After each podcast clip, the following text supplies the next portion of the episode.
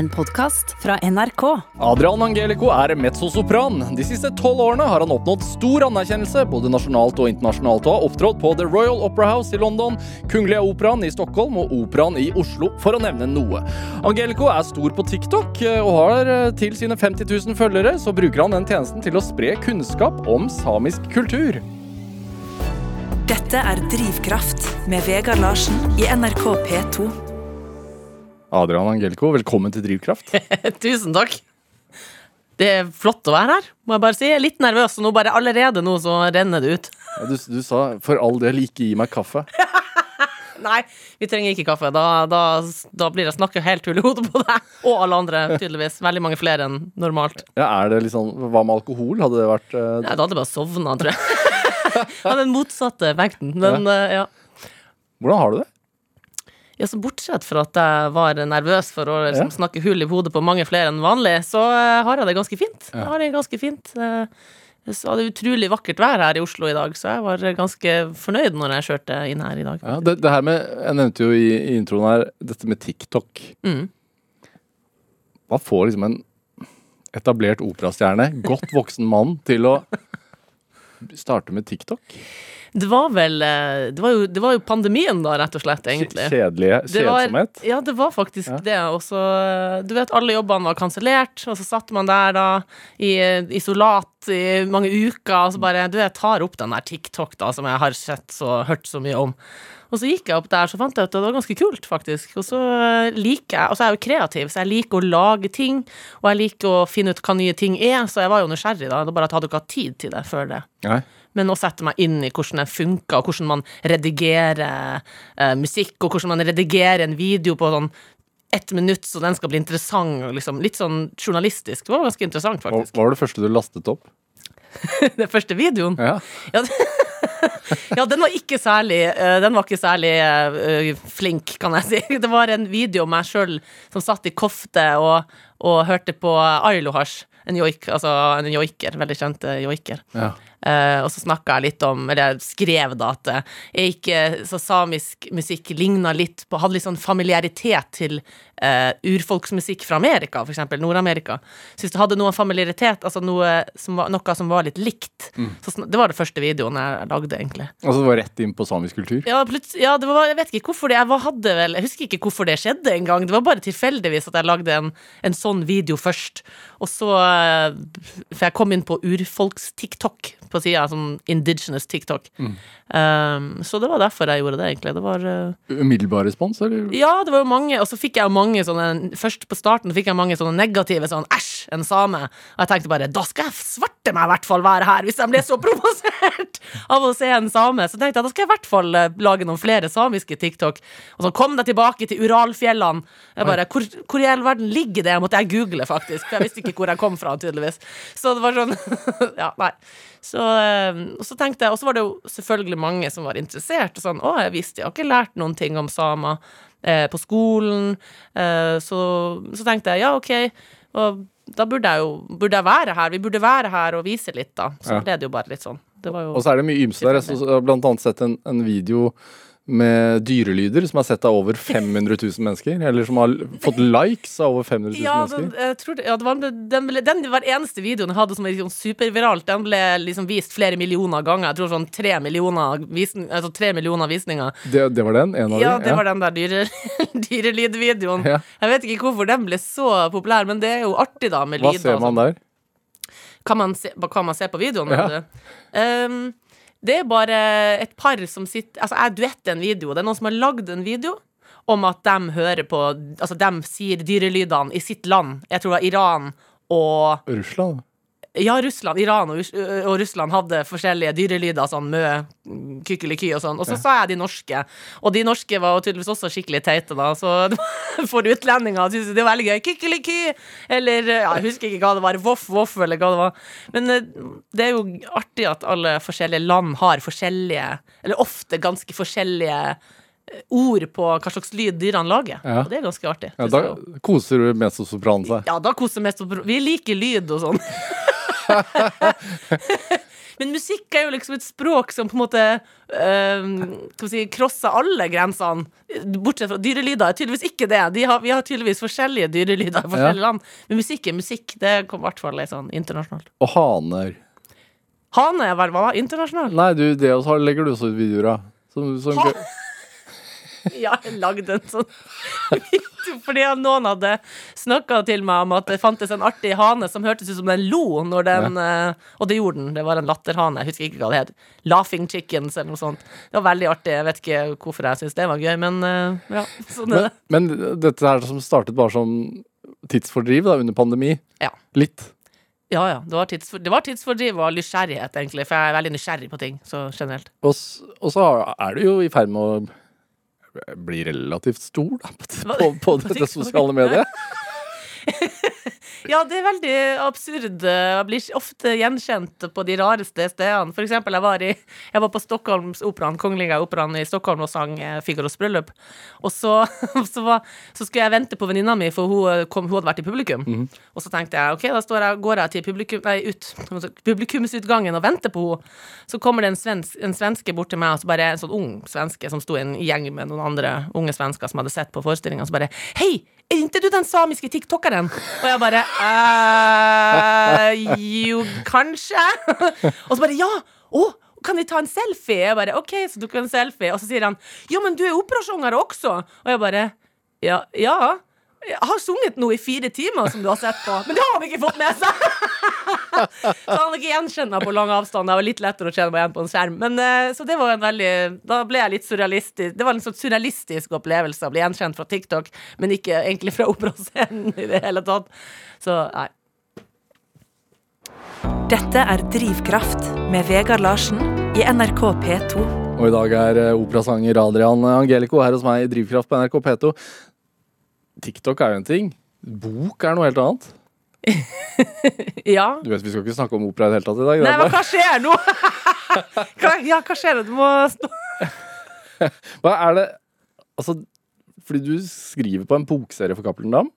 Eller Ja, ja, ja, jeg har vant en, eh, en, eh, en konkurranse i fjor. Iselilja heter den. Å, herregud, hvor mye du Hva skjer? Ja. Å, hjelp. Men du vant en konkurranse. Ja. Hva, hva, fortell. Eh, ja, hva, hva skal jeg fortelle om det? Eh, ja, jeg har jo Jeg sitter jo rundt omkring, for jeg er jo jeg er operasanger, da, som sagt. Som Hvor mye, reiser, hvor mye reiser du i året? Å gud, nei, herregud. Jeg husker jeg var over jeg var, to, jeg var to, over 200 dager borte en gang et år, husker jeg. Så jeg ikke var hjemme. Ja. Uh, så jeg reiser jo mye. Da sitter man jo på forskjellige hotellrom og leilighetsrom, og siden jeg jo er jeg er jo ikke gift eller noe sånt, så jeg, har, så jeg, blir, jeg er mye alene. Eh, og da har jo blitt Da har det blitt sånn at jeg, at jeg, sitter, at jeg prøver å finne lengte tilbake til Nord-Norge, da gjerne. eh, og finne på ting, altså finne på historier som bor inni hodet. Så må man jo Jeg, jeg liker å være kreativ. Mm. Det er viktig for meg å være kreativ. Så dette er noe du har sittet og holdt på med en stund? På tur? På turné? Ja, rett og slett. Bare mm, i flere år bare sittet og, og øvd meg litt. For jeg tenkte jo at en eller annen gang når man er operasanger Man kan jo ikke synge forever. Man har jo, sånn oppi, Noen som er oppe i 50-årene, så er man jo på en måte ferdig. Og da er det sånn nå, ja, er det det? Altså, når ja, er for noen, ikke for alle. Ja, men jeg tror pensjonsalderen på operaen er sånn 50 et eller annet. Hvorfor er det sånn? Fordi at eh, stemmen er jo en Det er en ferskvare, på en måte. Det er jo litt som fotballspillere. Det er jo sånn at eh, de spiller jo heller ikke til de er 50 oppe i profesjonell liga. Det er jo ikke Og ballettdansere også, ikke sant? Altså det er en muskel som blir Ja. br brukt opp, på en måte? Ja, det skjer jo ting, hormoner og sånt som skjer etter hvert. Så blir på en måte stemmen, ikke den kvaliteten etter hvert. Du kan ikke holde samme nivå. Du blir jo sliten, du må jo stå og synge. Det er ganske Altså, du bruker jo hele kroppen, det er ikke bare stemmebåndene, ikke sant. Så det er jo Så noen synger jo lengre enn andre, selvfølgelig. Men eh, det var jo på grunn av, av det at jeg tenkte hvis jeg, når, når jeg slutter en gang, så må jeg jo ha noe annet kreativt å drive med. Så tenkte jeg da må jeg jo eh, da må jeg jo eh, finne på noen ting. Da må jeg jo begynne å øve meg nå. Kan ikke begynne å øve meg når jeg er ferdig med å synge. Så bare oh, nei, nå skal jeg begynne på noe helt annet. Uh, så jeg tenkte at uh, da, da begynner jeg nå å, å prøve meg bare for artighet. Mm. Uh, så det, Men, men du tok ikke kontakt med forlaget på en vanlig måte? Altså, Nei, det, nei, det var, eh, nei, det var kon- gjennom konkurranse. ja, hvorfor var det en god idé? Så ja, du vet Hvorfor det var det en god idé? Ja, jeg tenker vel at eh, Hvorfor ikke? Ja, men Hadde du prøvd å sende inn og fått avslag og sånn? Nei. Nei. Uh, nei. Så det er sånn Nei, men jeg tenkte sånn Jeg er bare sånn at uh, du vinner ingenting hvis du ikke prøver. Og det er sånn gjennom hele livet mitt, tror jeg. Kom, hvorfor ikke, er kanskje det. Og det verste som kan skje, er nei. Uh, og ofte når jeg får nei, så tenker jeg da skal jeg i hvert fall få det til!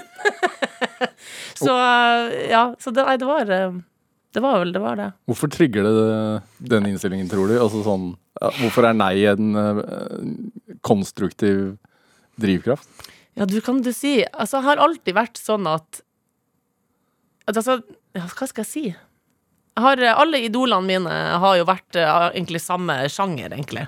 De, de, hvis man vil noen ting, og jeg vil jo mange ting, jeg er full av ting jeg vil. eh, jeg er full av eh, ting jeg vil si, eller ting jeg vil eh, Jeg vil synge, jeg vil dele kunst med noen, jeg vil gi dem opplevelse. Ja. Og de tingene jeg vil, de, de, da skal det ganske mye til for jeg ikke gjør dem, selv om jeg skulle få nei. Ja. Og det er vel kanskje Jeg vet ikke om stahet er en drivkraft, men, men eh, jo, på en måte så er det det også. Men jeg må selvfølgelig ville noen ting. Jeg kan ikke bare få nei, og så er det konstruktivt, og så, og så har jeg lyst til noen ting. Det er jo fordi jeg vil, vil det på en eller annen måte. Ja. Og så er det noen som sier 'det kan ikke du få til', for eksempel. For eksempel akkurat med, som er en av de barndomsidolene mine, Tordenskjold. da. Hvis når han fikk vite at nei, det kan ikke du, du er sånn, altfor mye sånn eller for sånn, eller du har ikke den riktige utdannelsen eller kontaktene eller whatever. Hvem var Tordenskjold? Ja, det er mitt barndomsidol, da. Det er alt han er. Nei, han var en norsk eh, krigshelt eh, som, eh, som kom fra Trondheim. Og jeg liker trøndere veldig godt. Syns at trøndere er noen artige folk. Jeg liker dem veldig godt. Så det sier seg sjøl. Og så eh, Ja, hva skal jeg, si om Tordenskjold? Det er sånn vanskelig å ikke liksom nå, nå er jeg redd for at jeg skal bli sånn som holder foredrag om Tordenskjold de neste 50 minuttene. Eh, han var en krigshelt. Han gjorde mange ting som ikke var vanlige. Han hadde forskjellige taktikker som ikke var den riktige gåsetegn måten å gjøre ting på. Han lot seg ikke sette i bås, og han kom ofte i problemer fordi han gikk sine helt egne veier. Eh, og han ble jo dessverre også drept i en duell et eventually, som noen tror har noe med det å gjøre. At han var liksom blanda seg for mye i ting. Um, men uh, Men ja. hvorfor ble han et forbilde for deg? Ja, han var jo en av de mange, flere forbildene jeg hadde, som hadde den ilden, den drivkrafta, egentlig. Den tingen han ville. Han ville veldig Han ville, han ville gå på Kadettakademiet. Han ville bli eh, i, i, i marinen, liksom. Eh, og selv om han fikk vite at nei, det kan du ikke, og du får ikke lov å gå denne vanlige veien, så gjorde han det likevel. Altså, han fant en vei. Han fant en vei, og han våga å være seg sjøl. Um, på tross av at folk eh, mente at det var feil, eller at han Du vet. Ja. Hva handler Iselille om? Nei, det kan jeg ikke si. du kan ikke det? Kan ikke si noen ting. Nei, nei, nei, det kan jeg ikke. Men, uh, men jeg gleder meg veldig til å si det. Men uh, det handler sikkert lite grann om en person som ikke har lyst til å bli satt i bås. Det kan jeg si. Det, det gjør det sikkert, fordi sånn, det, det er tydeligvis alt jeg dreier meg om. Så nei. Adrian Angelica, du er jo eh, i tillegg til et bokprosjektet og på TikTok og sånn, så er du egentlig mezzosopran og Ja. operasanger. Uh, vi, skal, vi skal bare høre litt grann, bare for å Hjelp. få, få liksom et inntrykk av hva du driver med. Eh, lite sånn forspill men hva vi skal høre? Altså, Jalido in ogna vena, hva er det for noe? Det er en eh, nydelig sang av Vivaldi som eh, som jo selvfølgelig, som alle operas aria i verden, handler om død og elendighet. Men den er veldig vakker og Ja. veldig fin. Ja, og du synger den er sammen med KORK, ikke sant? Ja. Ja. Kork. Det er litt lite eh, forspill her, men la oss høre.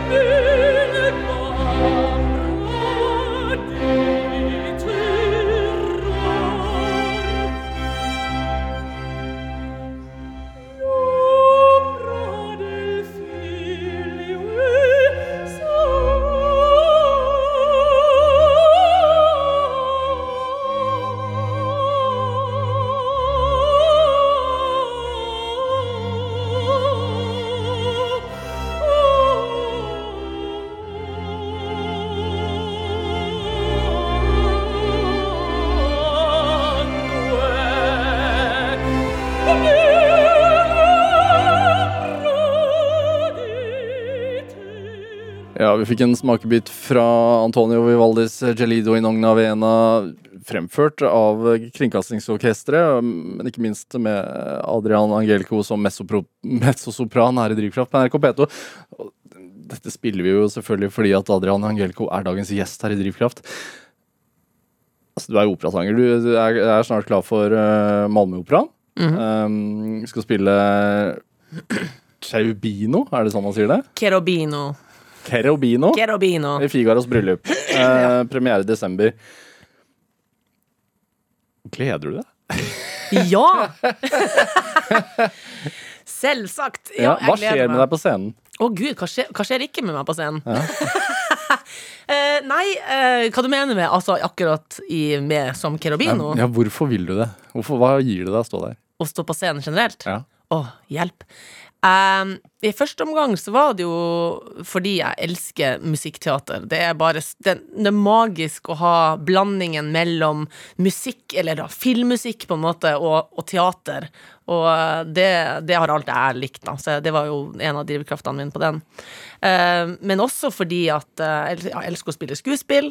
Jeg elsker også å kunne være meg sjøl. Jeg er jo så heldig at uh, jeg er mezzosopran. Stemmen min er mezzo.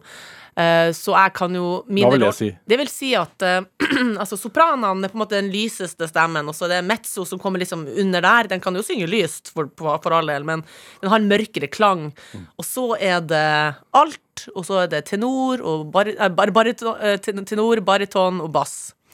Eh, og um, det er på en måte rangert av det, sånn stemmefag heter det. Og um, det betyr at mange roller har forskjellige eh, Altså alle de forskjellige operarollene er gjerne skrevet for de forskjellige stemmetypene. Og min stemmetype, som er på en måte en mørkere klang, eh, men likevel lys, de er ofte de unge guttene. Det er gjerne de Unnskyld. eh, gjerne de unge guttene. De er sånn pubertale som ikke har kommet til stemmeskiftet ennå. Det det er jo eh, sånn som Kerobino, da. Så da da må jeg løpe rundt og være fjortis på scenen, eh, og det er kjempegøy. Jeg syns det er kjempeartig. um, så ja, jeg vet ikke hvorfor jeg liker å stå på scenen. Det er jo fordi jeg liker å formidle denne musikken til folk. Jeg liker å gi dem opplevelser, og jeg elsker også å være noen andre og på en måte sette meg inn i Det er kanskje derfor jeg skriver òg. Jeg elsker å sette meg inn i hvordan andre har det, og hva slags tid de kommer ifra, og sånn, for eksempel. Hvor, hvilke, Så- hvor til stede er du i, i rollen din?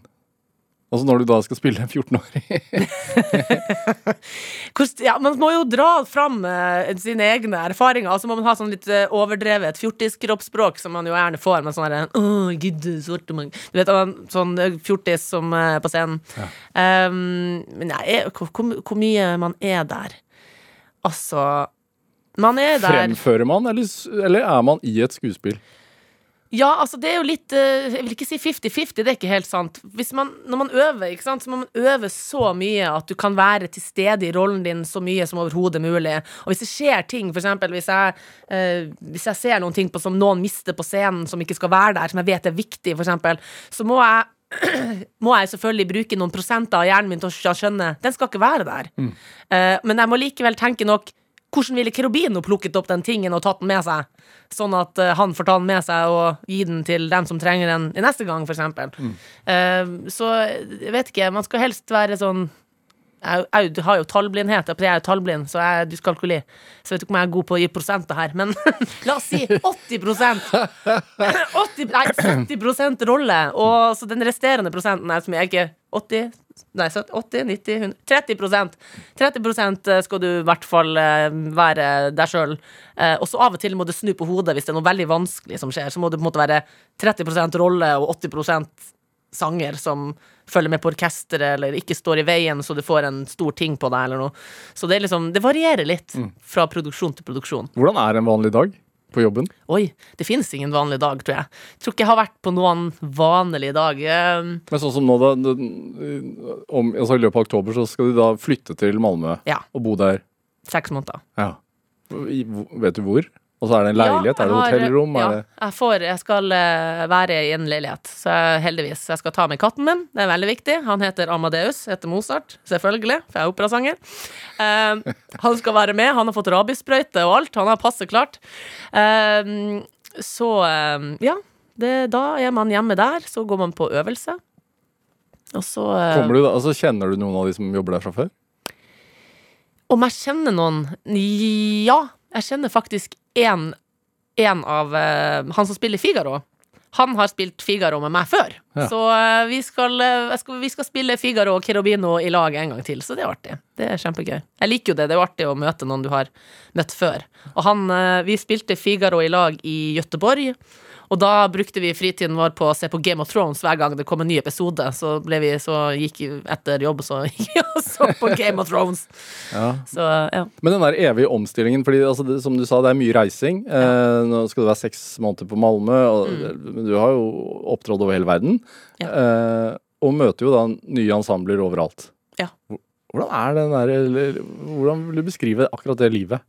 Ja, skal vi si ja, da, da blir jeg jo veldig flyttsame, da, egentlig. Da, da følger jeg musikken. Da er det musikken min reinflokk, og så farter jeg rundt. Og det er ofte kjempekult. Jeg liker det jo veldig godt. Men det, av og til er det jo av og til er det jo ensomt også, å, å, bo der bo der alene, og så går du glipp av barndåp og bursdager, av bryllup. Jeg går glipp av sånn et bryllup bare jeg er der. Jeg fikk ikke fri i Malmö fordi Nei, jeg kan ikke, kan ikke være fri borte to dager.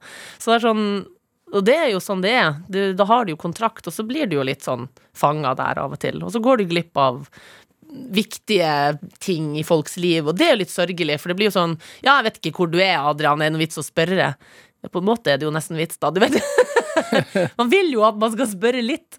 Eh, men eh, Nei, så det er jo både fordeler og ulemper. Men samtidig får jeg jo se skikkelig mange spennende steder. På synge på Svalbard og i Kina og for dronninga, liksom. Du vet, man får jo, så det er jo kjempe Det er jo kjempekult og kjempespennende, så jeg er veldig privilegert som får møte så mange spennende og interessante folk. Um, Men du må trives i det å være aleine også? Ja, det må man jo. Jeg trives jo å være alene. Det er bare at den, sikkert som mange andre har, jeg er veldig Jeg prater jo masse, men så alle tror at jeg er super eh, Altså at jeg er superekstrovert og jeg elsker å være i lag med folk. Og det gjør jeg sånn bitte litt. men jeg er egentlig en sånn litt sånn der eh, Litt eh, ikke, Ja, jeg er faktisk sjenert. Kanskje derfor jeg prater sånn, altså. Jeg vet ikke. Uh, og, og jeg liker å være alene og, og sitte og skrive, da. For eksempel drømme meg bort i andre verdener. Sånn, jeg er en veldig drømmende person, sikkert. Men eh, men jeg liker jo å være i lag med folk òg, og særlig når man liksom velger å være i lag. Men av og til på jobben så kan du jo ikke velge, for da må du jo være borte. Så må, må du være borte. Så hvis du hadde lyst, plutselig hadde behov for å liksom uh, være i lag med noen, så, så kan du ikke. Har, har, du en sånn stra har du en sånn strategi for å bli kjent med nye mennesker, eller øh, Gud, nå hørtes ut som jeg var så skikkelig smart. Nei, det skulle jeg ønske jeg hadde. Det hørtes veldig smart ut å ha en strategi. Nei, bare tenker sånn, man, man bytter jo lag altså, Da bytter man Hvis man tenker sånn fotball, da, så bytter man jo lag ja. hele tiden, sånn ja. som du gjør. da Det er nytt lag der, nytt lag der, nytt lag der. Ja, det er jo Du har helt rett. Det er jo den, den der. Men um, nei, jeg føler alltid at jeg kommer inn med Altså være positiv Ja. og være eh, åpen. um, og høre på hva hva er liksom visjonen til regissøren, eksempel? Hva slags visjon han vil at rollen din skal ha, eller hvordan dette stykkets følelse skal være? For det er jo, det er jo en produksjon, den handler om det samme, men, men en reg- regissør vil jo prøve å få det til å handle om forskjellige ting, forskjellige settinger, tidssettinger eller, eller situasjoner de er i. Um, jeg vet ikke, jeg prøver bare å være positiv og, og møte folk som de er, mm. og bli kjent med dem som de er. Uh, ja. Så det er egentlig det. Min eneste måte å prøve å være på. Bare være meg sjøl, prøve å bli kjent med hvem de er, og så spille rollen så bra som mulig, og liksom, ja. Hvordan blir man casta? Hvordan blir man casta? Men sånn, vanligvis går man jo på audition, altså, som, altså opptaksprøver. Um, men uh, etter hvert i karrieren så behøver man ikke å gå på så mange auditions. Så jeg har ikke egentlig gått på eh, audition for de her, tror jeg. Um, så da vet de jo hvem du er, da har de hørt om deg, du har sett at du har gjort andre produksjoner, de har kanskje vært og sett den, for eksempel. Uh, og så har man et navn etter hvert, kanskje. Så blir man jo kjent for For eksempel, jeg er jo kjent for å gjøre bukseroller, ikke sant? Hva er det for noe? Men bukserolle Bukserolle er det jeg snakka om i stad. Det er Kirobino, for eksempel. Det er en, en, eh, en rolle som nå i de her moderne tider, for eksempel, de spilles ofte av jenter. Eh, men i gamle dager så var jo noen av dem spilt av kastrater, altså dessverre altså menn som gutter da, som ble kastrert når de var unge, for å bevare eh, stemmen før pubertet. Og de rollene blir nå kalt for bukseroller, eller hosenrollen. Um, og um, Hvor lenge siden er det? ja, den siste kastraten, han tror jeg døde Altså, den, den De har opp, opptak av en som fra 1901, som heter Alessandro Mareschi. Så han, eh, han døde nok i 20, kanskje 1920, sånn kanskje. Så det er jo ganske Han er den siste, Det blir kalt The Last Castrato. Ah. Uh, og det er jo forferdelig. Um, men um, Når begynte de med det, vet du det? De begynte vel eh, med det, jeg tror på, på 1600-tallet. Italia eller noe? Ja, Italia. Fordi i Vatikanet så var det jo ikke lov, og en kvinne skulle ikke høres i det offentlige, så hun fikk ikke være på scenen, og fikk ikke være i kirkekorene. Og de ble jo veldig lei av å drive og hele tida bytte på de der små guttesopranene. Og så hadde de operaer som var skrevet for, Ja, for, ja, for det mezzosopraner, ja, så så de gjorde seg selv en bjørnetjeneste. Uff Ja, nei, og så begynte de jo å lage de. Først, først var det jo fordi at uh, guttes, guttekorene jo, de var så lei av å skifte ut og lære opp nye hele tida. Ja. Så da hadde de jo Hvis de kastrerte dem, så slapp man jo lære opp nye hele tida. Ikke sant? Og så ble det jo sånn at på scenen så var det var jo vanlig, jeg mener, på i Globe i, i England nå, så var det jo at så Shakespeare ble jo spilt Rom, Romeo og Julie, for eksempel. Så var jo Julie spilt av en ung mann. Fordi med en dame ikke skulle være på scenen. Så det var allerede en generell ting der, men det skjedde jo også musikken. Og på 1700-tallet var jo på en måte høydepunktet av Da var det sånn nesten tror det var 4000 i året som ble kastrert en stund. Så det er ganske grusomt, og en veldig liten prosent av dem ble jo faktisk liksom kjendiser. Men problemet var jo at veldig mange fattige italienere trodde at sønnen din ble flink, og så ble de rik hvis de liksom Så det var jo mange forferdelige ting rundt det her, da. Så ja. Uff a meg. Ja, veldig alvorlig. Ja. Bare for meg.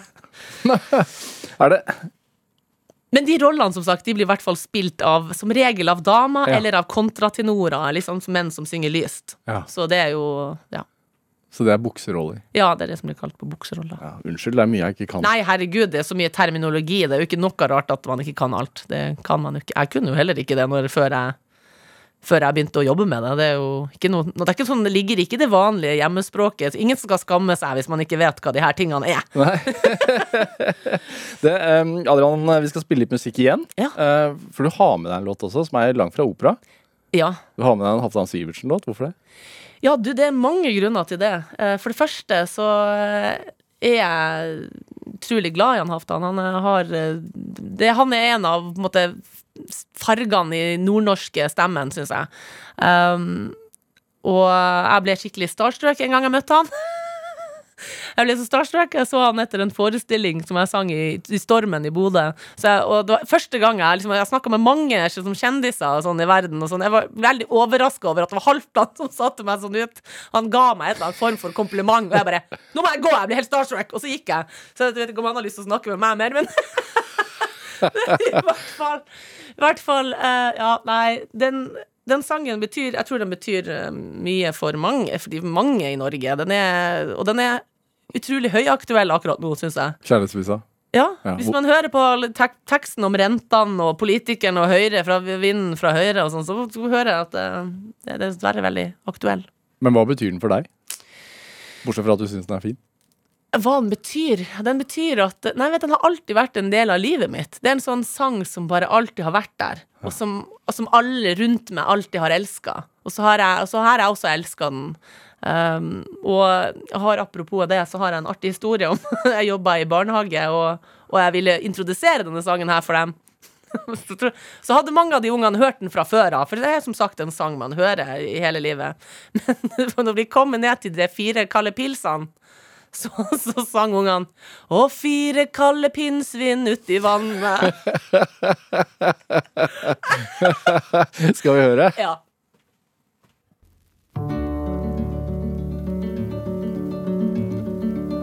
Når sommerdagen ligger utover landet Og jeg og du har funnet oss ei strand Og fire kalde pils ligger ned i vannet Og vi er brun og fin og hand i hand Når vi har prata om ei bok vi liker, og alt er bra og ikke til å tru.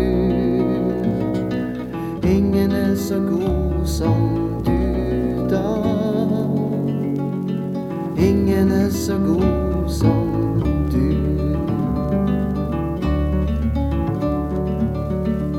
Og når høsten finnes og hverdagslivet venter, og fuglene tar til vett og flyr mot sør, og vi får slit med regninga og renta, og meninga forsvinner i det vi gjør, når vi må over mang en liten avgrunn, og ofte på ei falleferdig bru.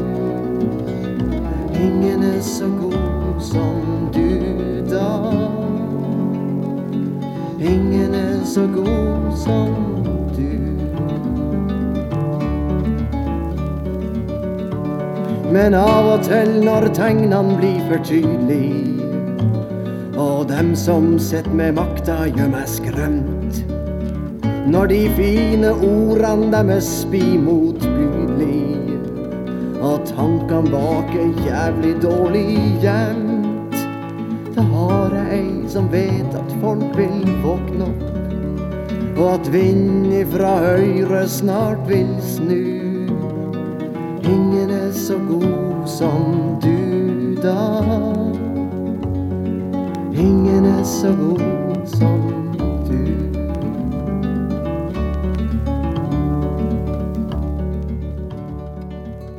Ja, Du fikk en eh, smakbit av eh, Halvdan Sivertsens eh, kjærlighetsvise her i Drivkraft på NRK P2. Valgt av dagens gjest her i Drivkraft, nemlig operasanger Adrian Angelico.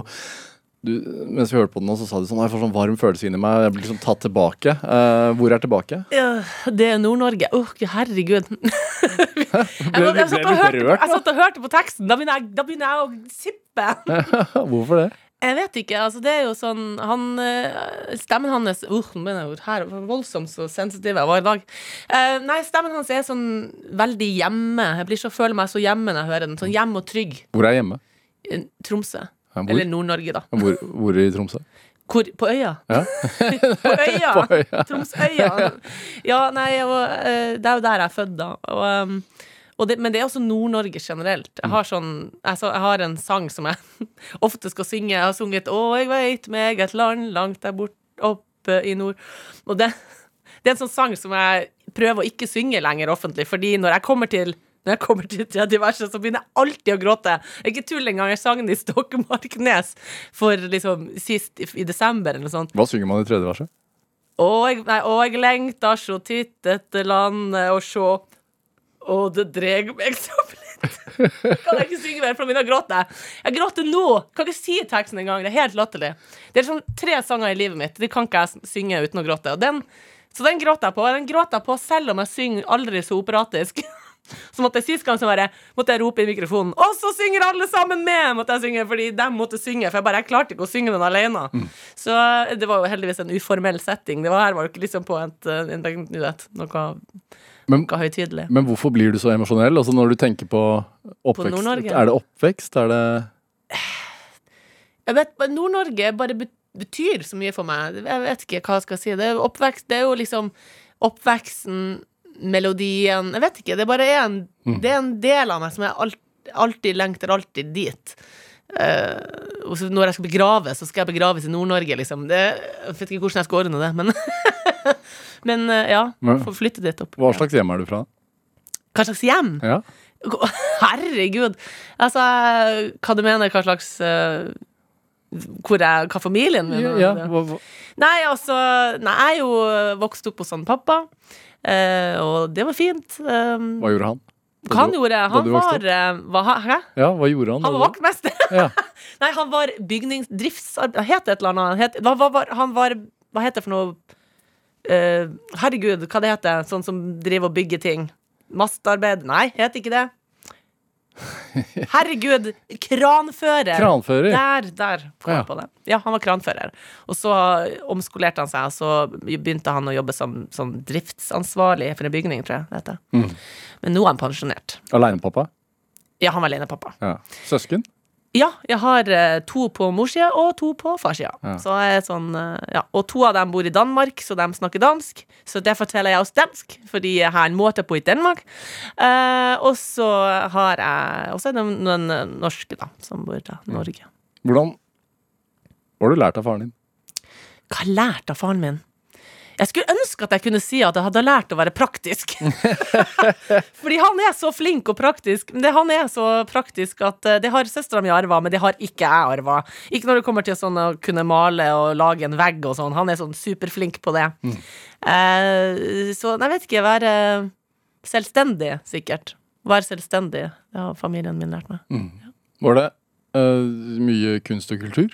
Nei. Var det et hjem fylt med opera? Overhodet ikke. Det var et hjem fullt av eh, rock og heavy metal og mye annet, men i hvert fall ikke opera. Nei. Det var det siste det var fylt av. Så det Hvorfor var, heavy metal? Hvem var det som introduserte det? Både mamma og pappaen min var veldig glad i det. Eh, så nei, det var eh, stor overraskelse, og helt sånn Hvor svarte kom det fra, det der operagreiene? Det, var- det kom ut som sånn lyn fra klar himmel, men, men jeg har alltid vært Jeg har jo jeg skal si at Pappa har jo likt Queen og, Queen og Pink Floyd og The Who og sånn, så det er jo litt sånn big and emotional. Det er masse følelser, det er stort og Så det er noe likhetstrekk? ja, det er jo på en måte musikk som vil noe, som er ikke sjenert. Uh, så det har jeg kanskje liksom fått inspirasjon av. Og Freddie Mercury var jo veldig glad i opera, har jeg, fant jeg ut av senere. Men, eh, men det var liksom Jeg fant den sjøl, operaen. Den, eller den fant meg, da, pleier jeg å like å si. Fordi det var ikke noe som jeg lette etter, den bare plutselig kom. Og ja, og jeg hadde, jeg hadde masse fordommer til opera og sånn også, men Når og hvordan skjedde det? jeg så Altså, ja, det er jo en lang eh, reise med mange forskjellige avdelinger, men eh, kapitler, men det første var vel at jeg likte musikaler, og at jeg elska Dolly de Luxe, og de hadde en musikal som het Witch Witch, eh, som jeg bare absolutt elska over alle musikaler i hele jorda. Eh, og det, Benedicte Adrian sang jo veldig operatisk. Det var veldig opera, operatisk, så det var liksom OK, det kunne kanskje være litt kult med litt sånn opera og sånn. Så gjorde de litt sånn derre You can get no satisfaction, Ingrid og altså. Og de var jo rockestjerner på Ja, et det vis var liksom det rock og opera. Oh, det kunne begge deler være kult, ikke sant. Så jeg, så jeg fikk vel litt sånn oppvåkning da, og det var da jeg fant musikkteater òg, og min Altså, alle ting jeg likte, falt sammen. Hekseprosessene, 1600-tallet, historiske ting, eh, opera, rock, Jahn Teigen liksom, Det var som alle ting bare falt sammen i en sånn perfect storm. Eh, så det, det resulterte jo i at jeg, at jeg tenkte det vil jeg være med på. Jeg, vil, jeg skal med. Jeg skal være med. Jeg tror jeg var ti eller noe sånt. Husker ikke gammel jeg var, men i hvert fall sånn Jeg skal være med, for jeg hadde lest i avisa at de kommer på turné til Norge. Og da tenkte jeg, der skal jeg med. Eh, og så jeg ringte da til Nota Bene Records, og så puttet jeg på Altså Nota Bene Records var de som eh, eh, eide CD-en. Og så, så ringte jeg til dem, satte CD-en på så høyt jeg bare kunne, og sa hei. eh, jeg vil gjerne være med i Witch Witch. Eh, og så sa de du, unnskyld, kan du dempe den musikken? For den er veldig høy, jeg hører ikke hva du sier. Så veldig slukøret så skrur jeg av den, og var ikke like modig når jeg åpna munnen neste gang og sa jeg vil gjerne være med på Witch. Men så syntes de at det var så artig, så de satte meg over til han eh, Ole Sørli, som viste seg å være manageren deres, og han syntes det var så artig. Så han sa OK, jeg skal ringe til World Festival Choir, og så skal, eh, og så, og så skal vi høre om de syns det er greit. Og det var det! Så jeg fikk være med på turné. Er det sant? Ja, ja. Jeg fikk være med Men på hadde du sunget i kor og sånn før Nei, det? nei, nei, jeg hadde aldri sunget noen som helst. Jeg bare sa at jeg kunne Witch Witch uten at Så jeg fikk lov å være med. Så jeg, jeg var, pappa gadd bare å kjøre meg til Det var jo rundt i hele Norge, men han gadd å kjøre meg til Tusenfryd, til Slottsfjellet og til Holmenkollen. Det var de eneste tre stedene jeg fikk være med. Men uh, på Tusenfryd fikk jeg VIP-kort, så jeg kjørte den loopen sånn 27 ganger før jeg sang den forestillinga, så det var jo artig. Du, uh, før- vi spilte Sivertsen her, så snakket vi så vidt om eh, den forferdelige historien til kastrater og, og sånn. Jeg vet Ja. at den filmen eh, Farinelli betydde mye for deg.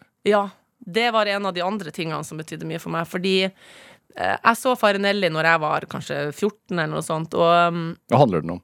Det handler da om en av, av verdens mest kjente kastrater, som heter Carlo Broschi.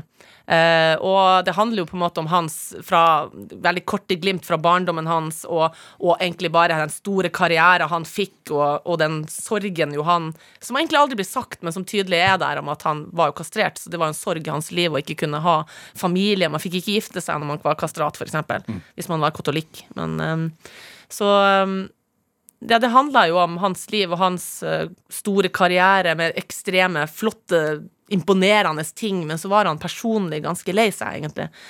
Eh, og det somehow så følte jeg en viss sånn tilknytning til, til det, og så tenkte jeg sånn Jeg føler meg som han, tenkte jeg. Skjønte ikke hvorfor jeg følte meg som han.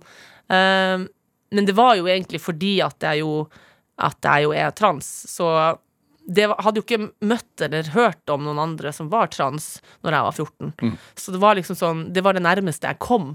Og på en eller annen måte så følte jeg at jeg kunne være maskulin selv om jeg var veldig feminin. Så jeg, jeg kan liksom Jeg følte at jeg var mann, men jeg bare mangla noen ting.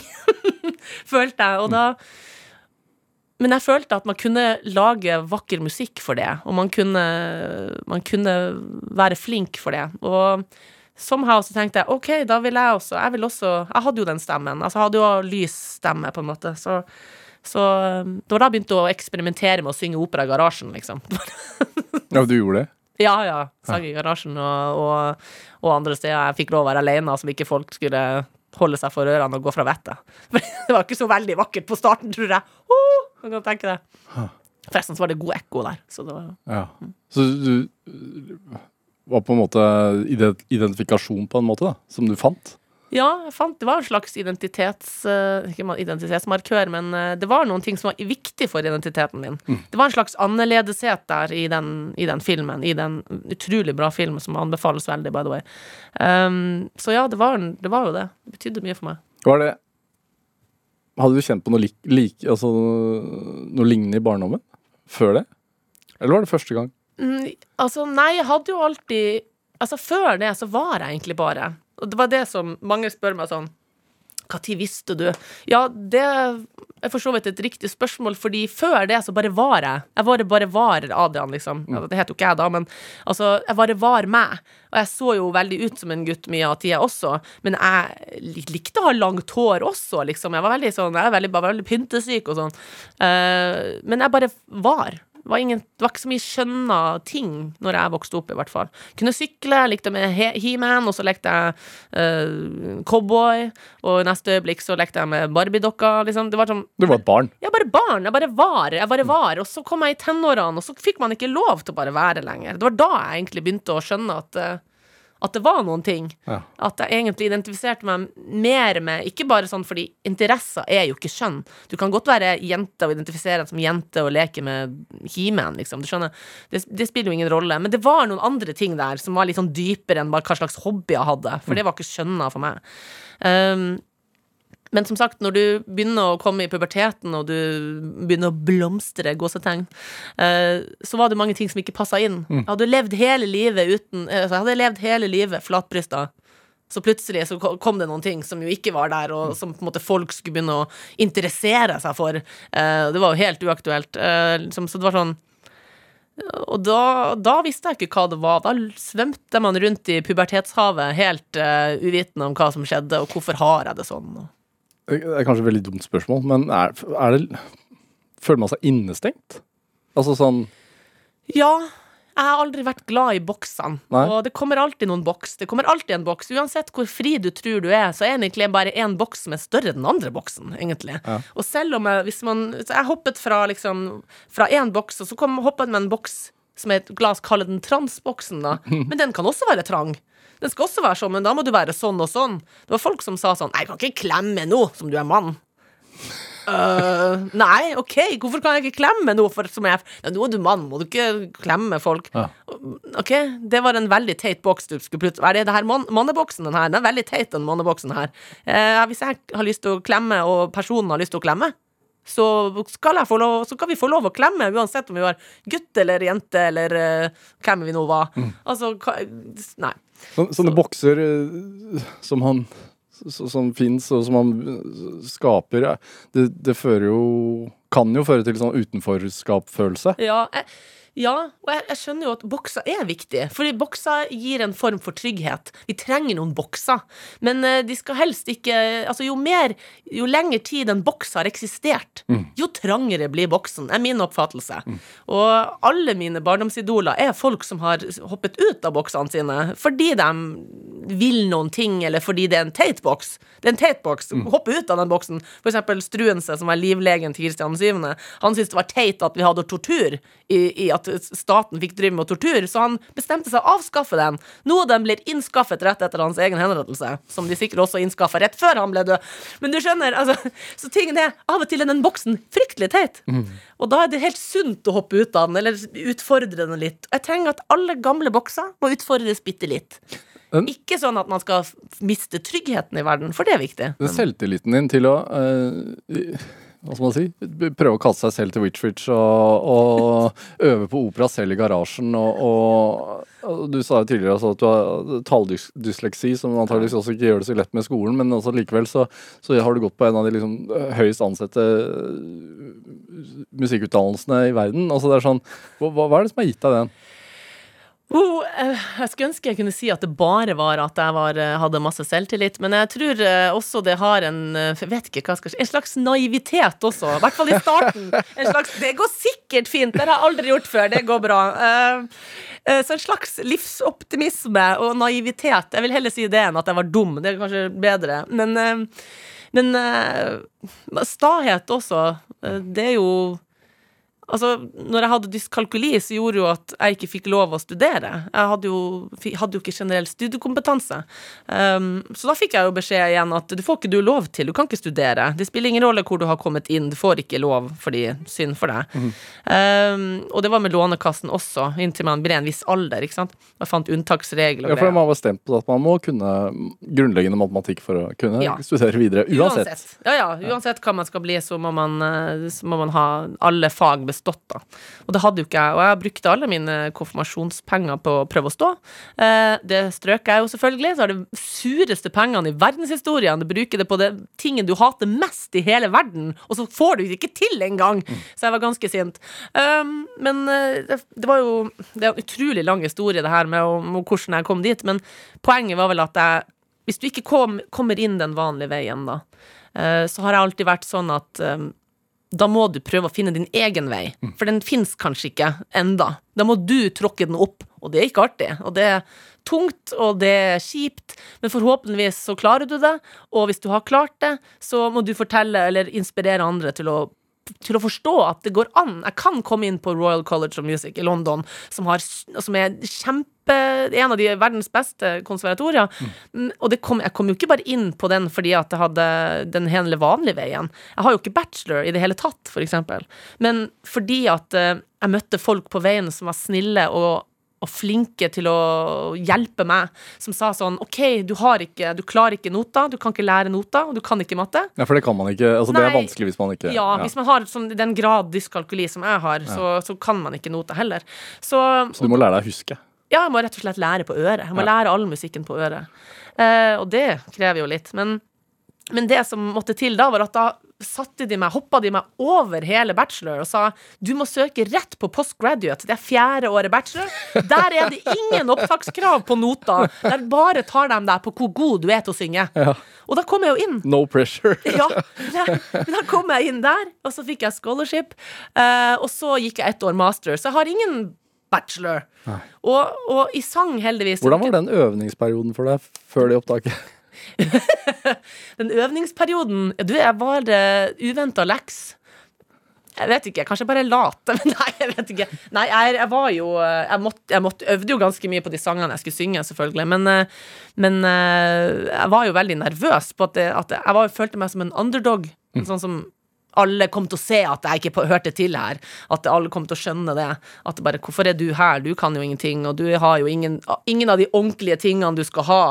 Alle de andre som kom inn, for eksempel, de hadde jo gått i hvert fall tre år, eller fire år til og med, med, med, med bachelor, og hadde liksom sunget i kor siden de var seks år på et eller annet elite-college i England, ikke sant? Eller elite-college, elite-barneskole, du vet, de har jo fra de er små. Og du har stått i garasjen fra du var 14? Ja, jeg har stått i garasjen liksom og sunget sånn litt random her og hist og pist og i en fjord i Nord-Norge et sted. Jeg følte liksom at eh, jeg ikke hørte hjemme, mm. og at jeg måtte liksom kjempe meg Kjempe meg en plass, kjempe meg til en plass. Men sånn har mye i livet mitt vært. For jeg Ja. følte at jeg måtte kjempe meg til et eller annet for å, for å få det til. Er motstand en drivkraft? ja, kanskje På en måte. Motstand er jo Jeg tror stahet kanskje er bedre. Motstand er jo en drivkraft, men det er fordi jeg er sta og vil få det til. Vil, og akkurat nå så kan jeg jo ikke liksom unnslippe altså, Jeg vil ikke underværet unnværet den motstanden. Det ville jeg jo selvfølgelig hvis jeg kunne velge når, var, når det skjedde, men, men nå vil jeg ikke, fordi hver motstandsting har blitt en vedkubbe som jeg har kasta på det der sta bålet mitt, som gjør at jeg kan uh, dure videre i et altfor høyt tempo. Her hører jeg når jeg snakker. Men uh, sorry, sånn er det, Norge. uh, men ja. Men Du har ikke banna en eneste gang, så Nei, jeg vet, jeg har vært kjempeflink. Jeg har ikke bannet en eneste gang. Jeg har fått det med meg. Men hvordan, hvordan vender man altså sånn sinne til noe konstruktivt, da? Eller sånn Ja, altså, min prosess er jo gjerne sånn at et eller annet avslag eller en eller annen ting som har skjedd som jeg ikke vil, eller så, har alltid, så reagerer jeg alltid med at man gråter masse først. Man er kjempelei seg og synes fryktelig synd på seg sjøl akkurat da. Men så blir det alltid Min prosess er sånn at det alltid utvikler seg til et sånt vilt raseri som jeg ikke klarer å forklare. Det går fra liksom Å, det er så synd på meg, livet er urettferdig, jeg skal svarte meg få det til. Så jeg vet ikke. Jeg er veldig, sånn der, veldig barokt menneske med veldig sånn lys og mørke. I et veldig, veldig dramatisk, kanskje. Jeg vet ikke. Men, eh, så det er jo gjerne sånn prosessen foregår, egentlig. Ja. Uh, og, så, og så pleier jeg å bare dure. Da, da skal jeg i hvert fall. Da skal jeg, men da, da, da, jobber jeg hardt, altså. Ikke bare sånn her jeg skal det jeg må jo jobbe, Det må jobbes. Men det er det som gir meg krafta til å jobbe, er at jeg vil det. Så jeg vet ikke om jeg er sånn Jeg er vel en sånn um, en sånn løvetann, rett og slett. Den eh, skal vokse opp av asfalten for det. Hvorfor er det så viktig for deg? Hvorfor er det viktig? Vet ikke. Man må jo eksistere. Og det er sånn livet er. livet er vanskelig mange ganger. Ja. Det kommer ikke lett. Det er sikkert noen som det kommer kjempelett for. Mange er privilegerte og får hjelp eh, i hodet og i rumpa. Eh, men, eh, men ja, nei, det, det er ikke lett. Livet er ikke lett. Og da må man Da må man, eller så må man ikke. Tror du man hører skal man si, den ballasten din når du synger? Jeg liker å tro at, at alle, alle ting du opplever, farges jo i stemmen din. Alle, altså der du kommer fra, jo hvilken dialekt du snakker, hva slags erfaringer du har, og særlig i musikk eller i noen form for kunst du har en stemme. I skriving, eller i musikk, eller i komposisjon, eller sangtekstene. Jeg tror du kan Jeg tror du får jeg vil ikke si, for man skal ikke si at kunstnere trenger å ha lide for å Det syns jeg er farlig ting å si, for det, skal, det trenger man ikke. Men jeg mener likevel at av og til så kan det få noen farger av og til, noen, noen små spekk av et eller annet. Jeg liker å tro at i stemmen min så kan man høre at det er en, det er en drivkraft. At stemmen min er en, en drivkraft. Det er jo Det kommer jo fra dypet i meg, ikke sant. Sangstemmen kommer i dypet, og så Ja, jeg liker å tro at man kan høre det. Når du joiker, da? Ja, jeg har ikke funnet joikestemmen min fullstendig, men jeg, jeg tror at, jeg liker å tro at etter hvert så tror jeg det kan komme. Jeg tror akkurat nå så er det sånn at jeg er teknisk, men jeg tror det finnes noe der, ja. Ja, hvorfor vil du utforske det? Fordi jeg alltid har joika, men aldri lært å gjøre det ordentlig. Aldri lært det teknisk. Men eh, det har alltid vært Jeg, jeg, er, ikke noen jeg komponist, men joik har ofte kommet til meg. Så jeg føler at jeg skylder den Jeg på en måte skylder den å lære det ordentlig. Sånn at jeg kan joike joikene mine og, og tradisjonelle joiker på en, en respektfull og, og kvalifisert måte, liksom. Skylder? Hvorfor det? Skyld, ja, hva, skyld, jeg syns ofte jeg skylder musikken ting. Jeg skylder den rettferdighet. Jeg skylder den eh, tid og, og kjærlighet. Eh, Noen har sittet der og, og lagd disse tingene, enten det er opera, for eksempel. For de putter sjela si der. Jeg hører jo når Strauss skriver musikk, så hører jeg at det er han. Fordi hans, det er hans Det er hans sjeles, sjelespråk. Jeg skjønner at det er han, liksom. Oh, det er Mozart. Ah, det er Mozart. Så jeg vet ikke, jeg skylder dem det og skylder dem det. Adrian Angelico, når er du mest lykkelig? I Nord-Norge. når jeg er mest lykkelig um, Når jeg får drive med musikk, og når musikken eh, er Når jeg er en del av musikken, når jeg får være del av noe større som på en måte er i, i publikums ører, samtidig som vi er dem. Jeg vet ikke. Det er vel kanskje det. Tusen takk. Tusen takk for at du kom til Drivkraft. Bare Hør eh, flere samtaler i Drivkraft på nrk.no eller i appen NRK Radio. Send oss gjerne ris og ros og tips til mennesker du mener har drivkraft. Send den e-posten til drivkraft.krøllalfa.nrk.no. Vi hører veldig gjerne fra deg. Produsent i dag var Kjartan Aarsand, mens Solveig Sørbø gjorde research til denne sendingen. Dette var Drivkraft. Jeg heter Vegard Larsen. Vi høres. Du har hørt en podkast fra NRK. Hør flere podkaster og din NRK-kanal i appen NRK Radio. En podkast fra NRK. Det sikkerhetsopplegget her, det er så strengt. Hei, jeg heter Sara Natasha Melby, og i årets Maskorama-podkast får du unike hint som du ikke får noe annet sted. Å, det er noe veldig, veldig kjent med den stemmen der. Nei, nei, nei. Hele Norge kryssforhører og analyserer. Kanskje det blir deg som klarer å gjette hvem som skjuler seg bak årets masker. Hør Maskorama-podkasten i appen NRK Radio.